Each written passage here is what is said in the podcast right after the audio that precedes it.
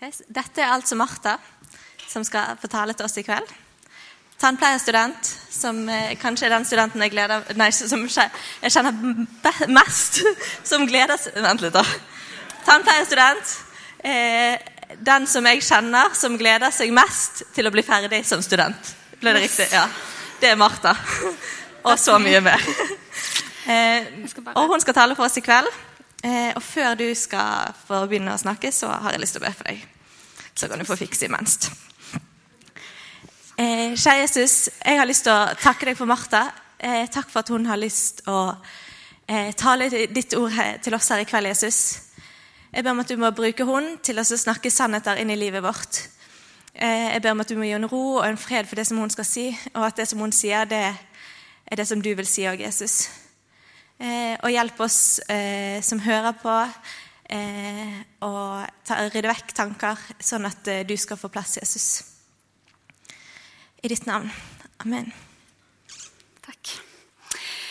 Først har jeg bare lyst til å få avklart litt sånn tannpleierspråk. fordi at det er eh, veldig mange overalt når jeg sier at jeg studerer tannpleie, så er det oi, kult, du er sikkert smart, du studerer tannlege.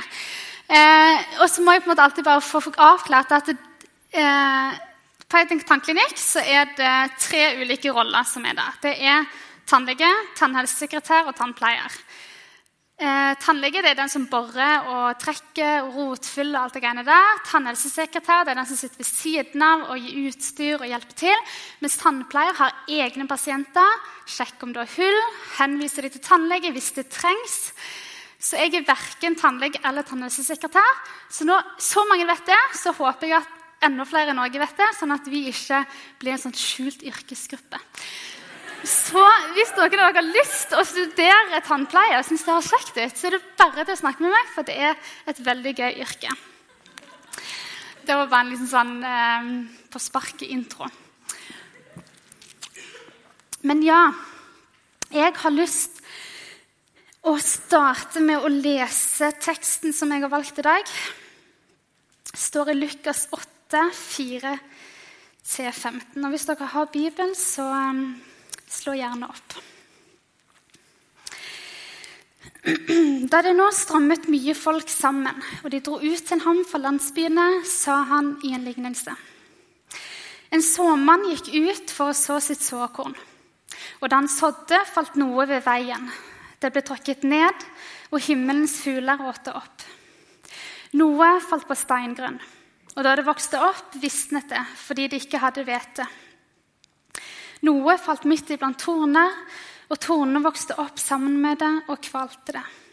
Men noe falt i god jord. Det vokste opp og bar frukt, hundrefold. Da han hadde sagt dette, ropte han ut. Den som har ører å høre med, han hører. Mens hans disipler spurte ham hva denne lignelsen skulle bety, han sa da, 'Dere er det gitt å kjenne Guds rikes hemmeligheter.' 'Men til de andre gis det i lignelse, for at de skal se og ikke skjelne,' 'og høre og ikke forstå.' Men dette er lignelsen. Såkornet er Guds ord. De ved veien er de som hører, men så kommer djevelen og tar ordet bort fra deres hjerte, for at de ikke skal tro og bli frelst. De på steingrunn er de som tar imot ordet med glede når de hører det, men de har ingen rot. De tror til en tid, men i prøvelsens stund faller de fra. Det som falt blant torner, er de som hører, og mens de vandrer fram, kveles de av bekymringer og rikdom og livets lyst, så de ikke bærer fullmoden frykt. Men det er den gode jord. Det er de som hører ordet og tar vare på det i et vakkert og godt hjerte og bærer frukt i utholdenhet. Hvordan faller såkornet hos deg i ditt liv? Og hvordan tar du vare på det? Faller det ved veien? Faller det blant torner? Eller faller det i jord som er god? Hvordan tar du til deg det som står i Bibelen? Og hvordan lar du det påvirke deg? Kjære Gud, takk for at du er her, og takk for at du eh, elsker oss, Gud. Takk for at du har gitt oss ditt ord, sånn at vi kan få lov å bli bedre kjent med deg. At vi kan få lov å leve liv som eh, du vil at vi skal leve, Gud. Jeg ber om at du må være med meg nå, at jeg klarer å forkynne det som du ønsker at vi her i Misjonssalen skal høre, Gud. Må du se til hver enkelt. Du ser hva hver enkelt av oss kommer inn her i Misjonssalen med. Hva vi tenker på, Gud. Jeg ber om at alle må sette seg ned med senka skuldre og åpne hjertet, sånn at vi kan få høre hva du har lyst til å si til oss i kveld, Gud. Ditt navn. Amen. Jeg har lyst til å lese bare selve lignelsen en gang til. Da det nå strammet mye folk sammen, og de dro ut til ham fra landsbyene, sa han i en lignelse. En såmann gikk ut for å så sitt såkorn, og da han sådde, falt noe ved veien. Det ble trukket ned, og himmelens fugler åt det opp. Noe falt på steingrunn, og da det vokste opp, visnet det fordi de ikke hadde hvete. Noe falt midt iblant torner, og tornene vokste opp sammen med det og kvalte det. Men noe falt i god jord. Det vokste opp og bar frykt, hundrefold. Da han hadde sagt dette, ropte han ut. Den som har øre å høre med, han hører.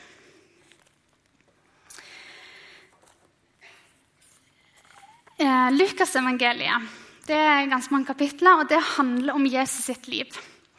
Hva han gjorde. Eh, og Det fortelles masse om at Jesus han helbreda.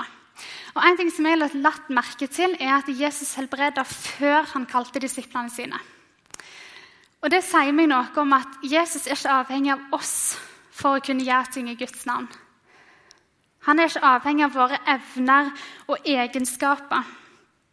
Det er Jesus som helbreder, han alene, og ikke oss. Samtidig så velger Jesus å ha en relasjon til oss. Og Det er derfor han kalte disiplene til seg. For at de skulle få bli kjent med han, fortelle til andre det som Jesus gjorde. Og Det er nettopp dette disippelliv handler om. Ser du på deg sjøl som en Jesus-disippel?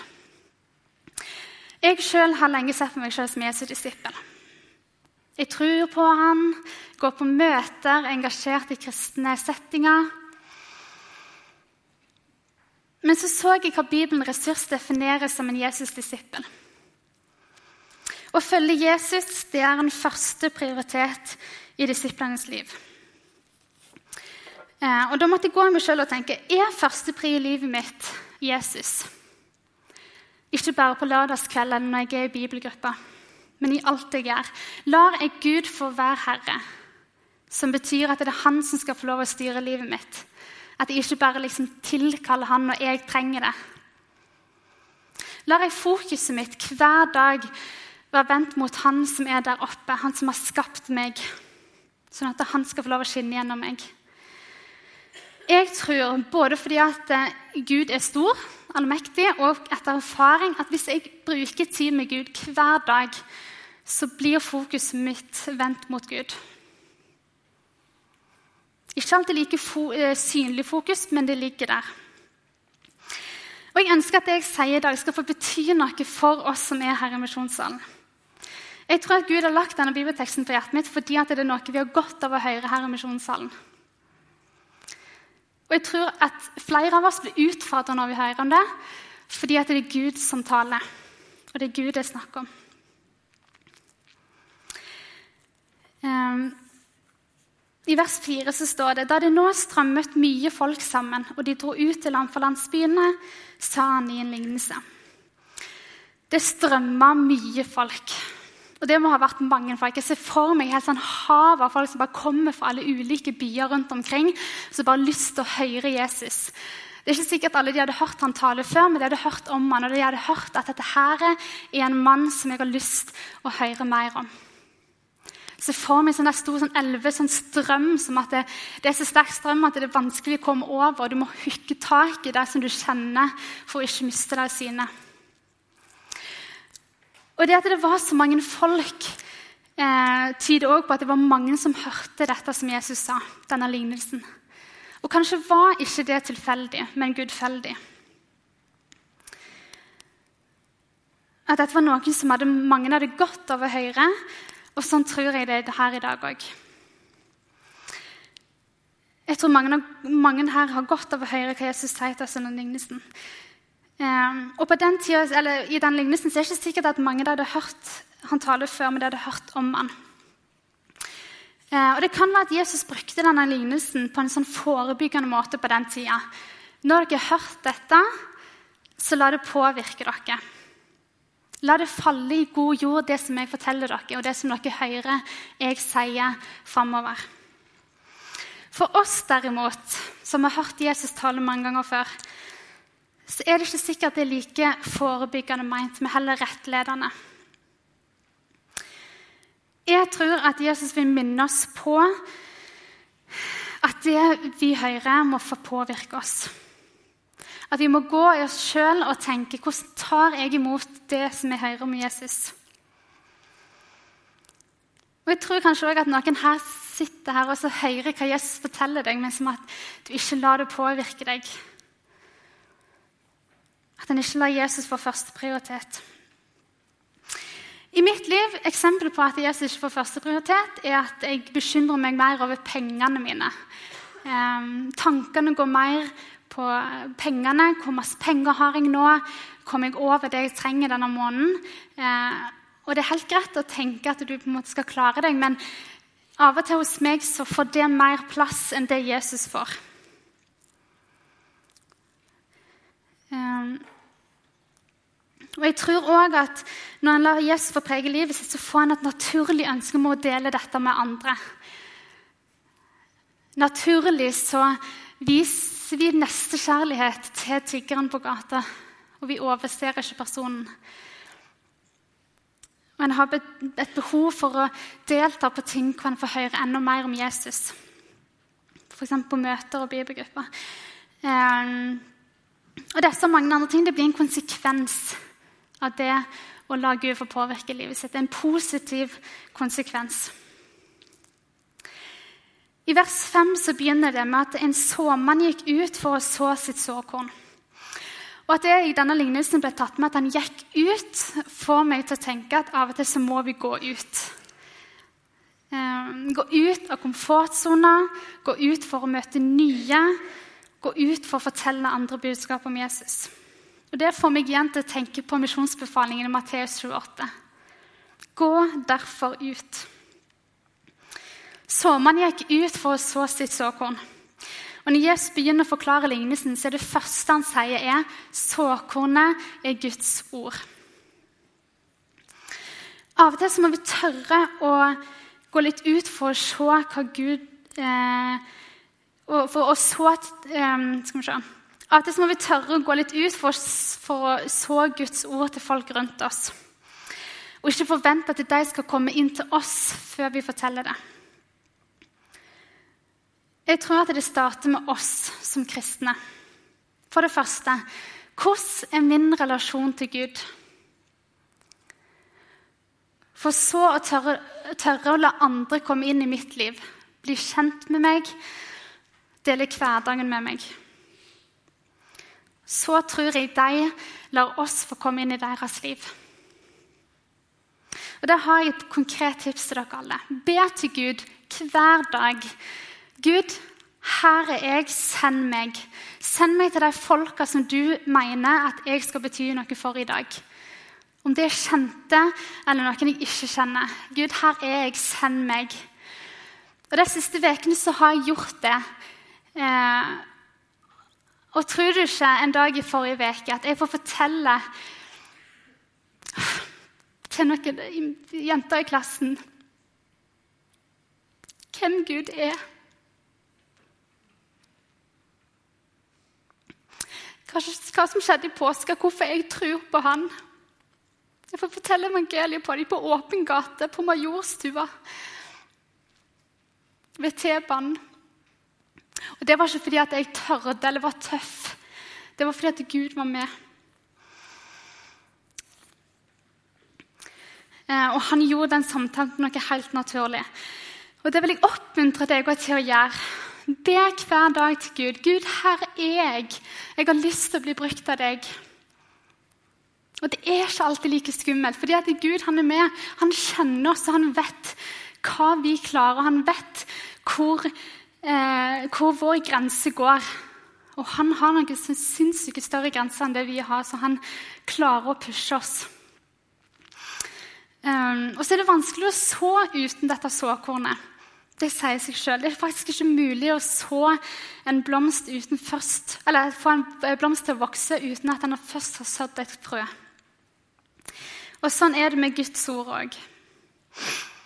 Er vi ikke fulgt opp av Gud, som er såkornet, så er det vanskelig å gi dette videre til andre. Hvis ikke vi lar Gud få prege livet vårt, så kan det være vanskelig å så. For vi kan ikke gi noe som vi ikke har. Og Vi kan egentlig dele denne lignelsen inn i fire, i fire måter som eh, kornet faller på. Det er veien, det er eh, steingrunn, det er blant torner, og det er god jord. Eh, og dette igjen er fire bilder, fire måter som en tar imot Guds ord på. Ved veien ser de at den er høyere, men ikke noe mer enn det. På steingrunn er at man hører det med glede, men så faller han fra når ting blir vanskelig. Blant horene er at han hører det, men kveles av alt rundt i livet. Og i god jord at han hører det, tar vare på det og lever etter det. Og Det første kornet det lander på veien. På denne tida i antikken så var det veldig vanlig med sånne stier eller, åkere, nei, stier eller veier i åkeren. Sånn at når såmannen skulle ut og så korn, så gikk de på en måte i dem. Eh, og Derfor var det en del frø som gikk til spille. Fordi at de eh, landa på veien.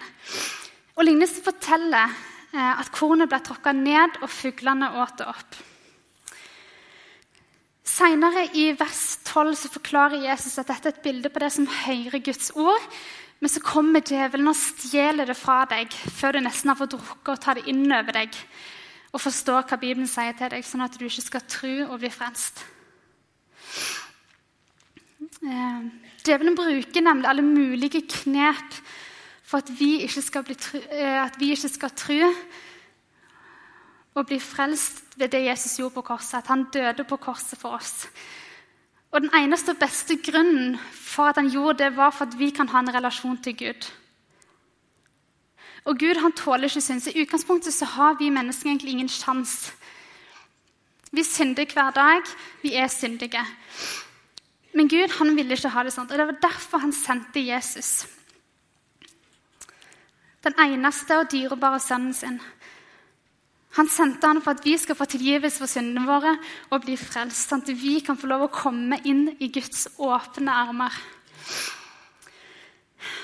Har vi virkelig forstått dette budskapet, eller er det en ting vi bare hører og hører og hører, og takker Gud for det, og så stopper det der? La vi det påvirke oss? Men så er Gud en Gud som ikke tvinger noen til å tro. Det er en invitasjon til alle. Og Hvis du er her og ikke tror på Jesus, så er du velkommen til det. Gud døde på korset for alle og for deg. Men han tvinger ingen fordi han er en kjærlig Gud. Det er håp i det å tro på Jesus. Håp noe bedre enn livet her på jorda. Du er velkommen til å tro på Jesus og til å komme inn i Guds åpne hender. Men hvis det er noen som ikke vil at du skal tro på han, så er det djevelen. Og han er reell. Ondskapen er reell, folkens. Men heldigvis så har vi en Gud som er så enormt mye sterkere enn ondskapen. Men hvordan tar ditt hjerte imot det du hører? Som et frø som faller ved veien?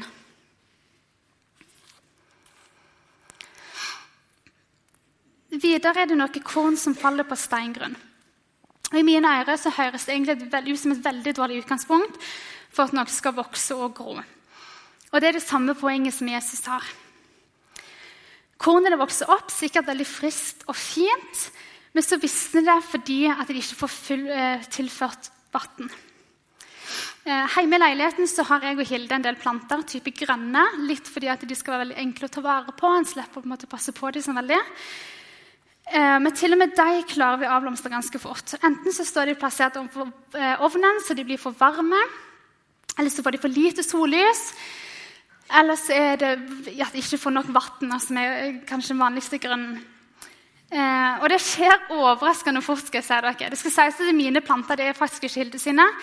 Men eh, ja, du kan få dem opp som en illustrasjon på Sånn skal de egentlig se ut, men sånn ser den ut.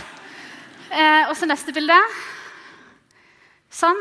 Yes. Og siste, som jeg syns er den flaueste, egentlig. Ja. Eh, men så blir det så tomt uten disse litt grønne plantene, så jeg har de stående fortsatt i vinduskarmen. Eh, men da disse plantene mine som får litt vann, de får litt sollys, og de har grei nok temperatur, de visner fort. Hvor fort visner ikke da dette kornet som Jesus snakker om, som ikke får noe vann? I tillegg til at det vokser opp fra steingrønn. Mine planter i, i det minste har iallfall jord som plante, eller blir planta i jord. Og Jesus sitt poeng her er at når det vokser opp, så er det et bilde på folk som hører budskapet og tar det imot med glede. Det holder seg friskt så lenge de har det fint når livet kanskje er på stell, og de kjenner at Gud er nær. De syns kanskje at Jesus sitt liv virker spennende. De har liksom lyst til å høre mer om det. Men så fort han kommer i prøvelser, i ulykker eller at livet suger, så glemmer man det spennende i Jesus og det å høre mer om han. En glemmer å vanne frøet, og resultatet av det er at det visner. Og Sånn kan det være med hjertene våre òg. At vi ikke tåler at trua vår blir satt på prøve. Trua har liksom ikke noe å si lenger, fordi det eier ingen rot. Et annet poeng er at røttene de har ikke nok plass til å vokse. Altså, En lar ikke Jesus få nok, eller få tilgang til alle deler i livet vårt. Og Da mener jeg alle delene, og ikke de fleste. En gir ikke alt til Jesus. Jo større og sterkere rotet er på en plante, jo sterkere er det, og det tåler mer. Og Sånn er det med trua vår òg. Vi er nødt til å fylle på med Guds ord for at det skal klare å holde seg i live. Sånn som såkornet trenger vann for å ikke visne. Og For at vi skal klare å tro at Jesus er redningen, ikke bare når vi har det bra, men når livet er kjipt, da er vi avhengige av påfyllet av Gud. Og Det er både gjennom å lese Bibelen alene og sammen med andre. Det er å be, lovsynge, gå på møter og høre forkynnelse, høre taler på podkast, snakke med hverandre om hvem Jesus er. Bare prøv å sette deg litt inn i hvordan de som blir forfulgt, har det. De blir fengsla, de blir torturert, de blir drept, og de nærmeste relasjonene gjennomgår det samme kun fordi at de sier at de tror på Jesus. Hva hadde du gjort i en sånn situasjon? Hadde du valgt livet, som er tilfredsstillende der og da? Eller hadde du valgt Jesus? Hvordan tar ditt hjerte imot det du hører? Som et frø som vokser på steingrunn? Det tredje stedet noen av frøene falt på, det var blant tornene. Og hadde de falt ved siden av tårnene, så tenker jeg at de hadde hatt på en måte litt sjanse. Eh, de hadde kanskje klart å holde seg, men de er fortsatt litt i faresonen. Men disse frøene som Jesus snakker om, de falt midt iblant tornene. Og I livet vårt kan vi ha mange torner. Vi kan høre om Jesus, men ting i livet sluker det. Det kan være bekymringer, det kan være studier, jobb, relasjoner, penger, nytelse eller selvopptatthet. Ikke la disse tingene i livet få ødelegge ditt forhold til Gud og sluke ditt forhold til Gud. Ikke la disse tingene stå i veien for at du bærer frukt. Og Jesus han omtaler seg sjøl som et vintre, det sanne vintre i Johannes evangeliet. Videre så sier han at vi som kristne vi er disse greinene på dette treet. Og Det er et utrolig bilde på at vi som greiner er avhengig av Jesus for å kunne bære god frukt. Den frukta som vokser på det treet. Og at Gud er vingårdsmannen, det sier masse om hvem Gud er. At han har omsorg for oss, sånn at vi kan leve og bære frukt. Men her kommer det et valg til meg og til deg. Vil jeg være, vil du være en grein som bærer frukt? Og De fruktene det er snakk om, det står det bl.a. i Galaterne 5. Det er kjærlighet, det er glede, det er fred, overbærenhet, vennlighet, godhet, trofasthet, ydmykhet og selvbeherskelse. Det er disse fruktene som Gud vil at vi skal gi fra oss. Frykten den kommer fra oss. Den kommer ut fra oss, men den kommer ikke fra oss. Den kommer fra Jesus. Og Jesus oppfordrer oss til å bli i Han, sånn at vi kan bære den frukta som det snakker om i Galaterbrevet. Bli i meg, så blir jeg i dere. Liksom grenen ikke kan bære frukt av seg selv, men bare når den blir i vintreet. Slik kan heller ikke dere bære frukt uten at dere blir i meg. Jeg er vintreet, dere er grenene. Den som blir i meg og jeg i ham, han bærer mye frukt. For uten meg kan dere intet gjøre. Johannes 15.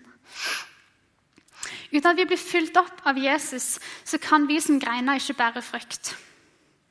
Fylles vi derimot opp med Jesus, som er kjærlighet, så er det naturlig at vi bærer kjærlighetens frukt og alle bekymringene og tingene som opptar oss i livet og i hverdagen, det kan føre til at vi ikke bærer den frukta som vi kunne ha gjort.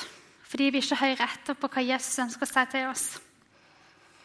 Og for å få sagt det, så handler det ikke om våre prestasjoner og hva vi må gjøre. For det er kun Jesus som kan gi oss den frukta.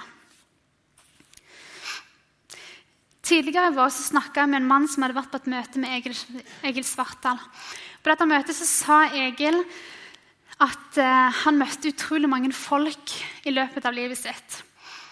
Mange av dem som hadde vært kristne før, men som hadde falt fra.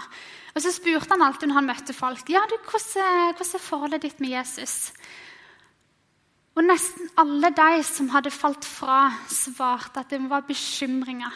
Det var jobb, det var familie. Eh, det var hus, og det var penger. Og dette er alvor, folkens. Ikke ja, La sånne ting få større plass i hjertene deres enn det Jesus får. For det er han som er sannheten, veien og livet. Det er kun gjennom han at vi kan ha en relasjon til Gud. Det er ingenting eller ingen som kan gjøre det samme. La derfor ikke Guds ord eller det frøet falle blant torner som kveler de sannhetene som du hører om Jesus og om deg sjøl. De siste frøa falt i god jord. Og Når jeg søker opp 'god jord' på Google, så kommer hoved eller Hove plantesalg opp med overskriften 'Hva er god jord?' Og Der kommer det opp med god info og gode tips, bl.a. at god jord er alfa og omega for å lykkes med hagen. Altså, God jord er det viktigste for å få til en god hage. De skriver også at riktig jord er veldig viktig for å lykkes med en plante. Jesus brukte bilder som disiplene forsto, og som de kunne kjenne seg igjen i. Det som faller i god jord, det blir det et bra resultat av. Det bærer frukt. Men noe falt i god jord. Det vokste opp og bar frukt hundrefold. Og hundrefold er det samme som at det 100 ganger så mye som det ble sådd. Og det er ganske masse. Eh, tenk at en sår er så sykt avhengig av hvor det blir sådd. I plantelivet er det en sjølfølge. En planter ikke en sommerblomst i en frossen jord eller i en steinrøys. Det sier seg sjøl. Um,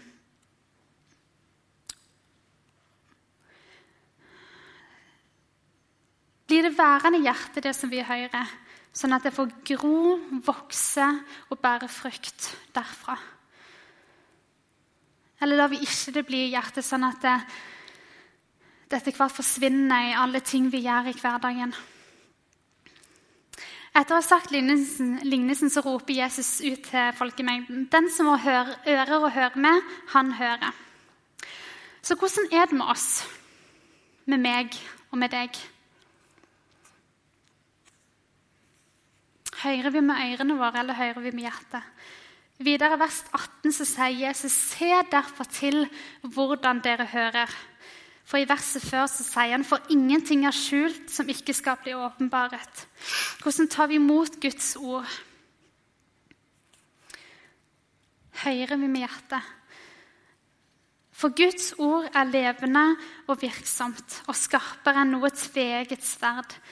Det trenger gjennom helt til det kløver sjel og ånd, ledd og marg, og det med hjertets tanker og råd. Igjen nå så hørte vi en hel tale om akkurat dette her av Lars, Aaseth. Men jeg har lyst til at vi skal tenke litt på dette. her. Jeg tror vi nettopp det vi leste, at Guds ord er levende, at det er virksomt, at det er så skarpt at det kløyver gjennom alt vi har av kropp og sjel. Hvis vi gjør det, hvis vi tror det, Tør vi da å la Guds ord få prege oss? At vi tar det imot med hjertet. For det utfordrer oss når vi leser Bibelen. Det blottlegger hvem vi er. Og det at Bibelen skal sette fingeren på ting som vi kanskje har lyst til å skjule, eller ting som vi ikke er stolt over, eller ting som vi ikke er fornøyd med. Men la vi likevel det få prege oss. Og En dag så vil alt bli åpenbart for alle verdens folk. Når Jesus kommer igjen, så skal faktisk alle slenge seg ned på kne og si Jesus, det er du som er Herre.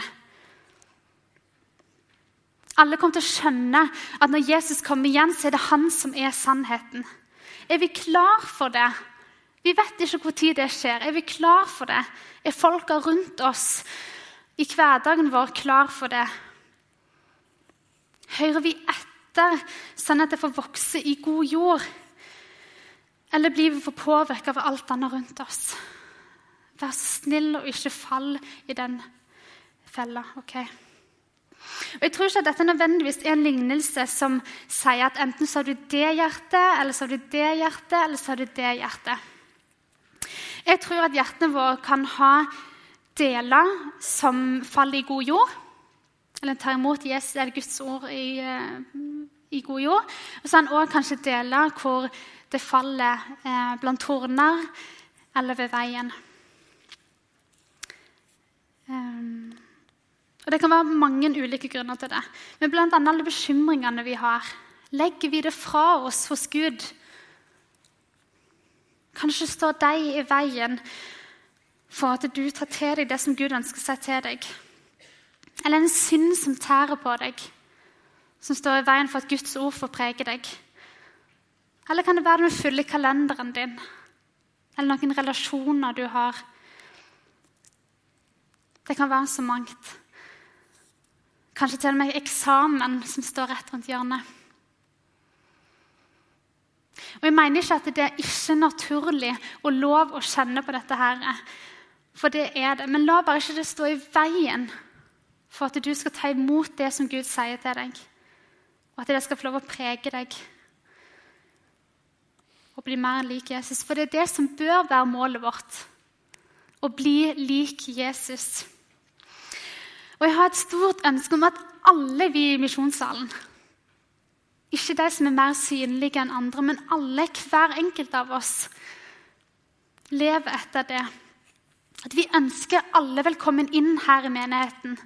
At vi ikke ser forskjell på bestevennen din og mann fra gata med kanskje skitne klær. At vi ikke ser ulikt på folk. For Gud har skapt deg, og Gud har skapt meg. Gud har skapt bestevennen din, og Gud har skapt mann fra gata. Han elsker hver enkelt av oss, og det betyr at vi skal elske alle rundt oss. Både der vi kjenner kjempegodt, og der vi aldri har sett før. Og det skjer naturlig når vi søker Jesus, fordi at han er kjærlighet. Og det er ikke sånn at Når du først er blitt kristen, så vil du for alltid og evig være det. En er nødt til å holde seg nær til Gud for å klare det. Og Kanskje sitter du her og tenker at det, det som Martha står der framme og sier, det gjelder ikke meg. Jeg har vært kristen hele livet mitt, jeg har kontroll på det kristne livet mitt, jeg har fått inn med teskje. Kjempebra at du har fått inn seg, og at du føler at du har kontroll på det. Men vær bitte litt forsiktig med den tanken der. Ikke bli for slakk. Vi må ikke tenke at vi ikke trenger å lese Bibelen fordi vi har kontroll på det kristne livet vårt. Da tror jeg at vi fort faller fra. Da er det lett at Guds ord faller ved veien. I Fesane 6, 10-11 så står det Bli sterke i Herren og i Hans veldige kraft. Ta på dere Guds fulle rustning, så dere kan holde stand mot djevelens listige angrep. Djevelen vil ikke at vi skal ha en relasjon til Gud. Han vil gjøre alt han kan for at vi ikke skal bruke tid med Gud. Og Kanskje utnytter han den tanken du eventuelt tenker om at det jeg står og snakker om, ikke gjelder deg. Tanken om at eh, har for alltid kommet til å være kristen, så det er ikke så farlig om jeg ikke leste Bibelen i går, eller ikke leste i dag, eller glemmer det i morgen.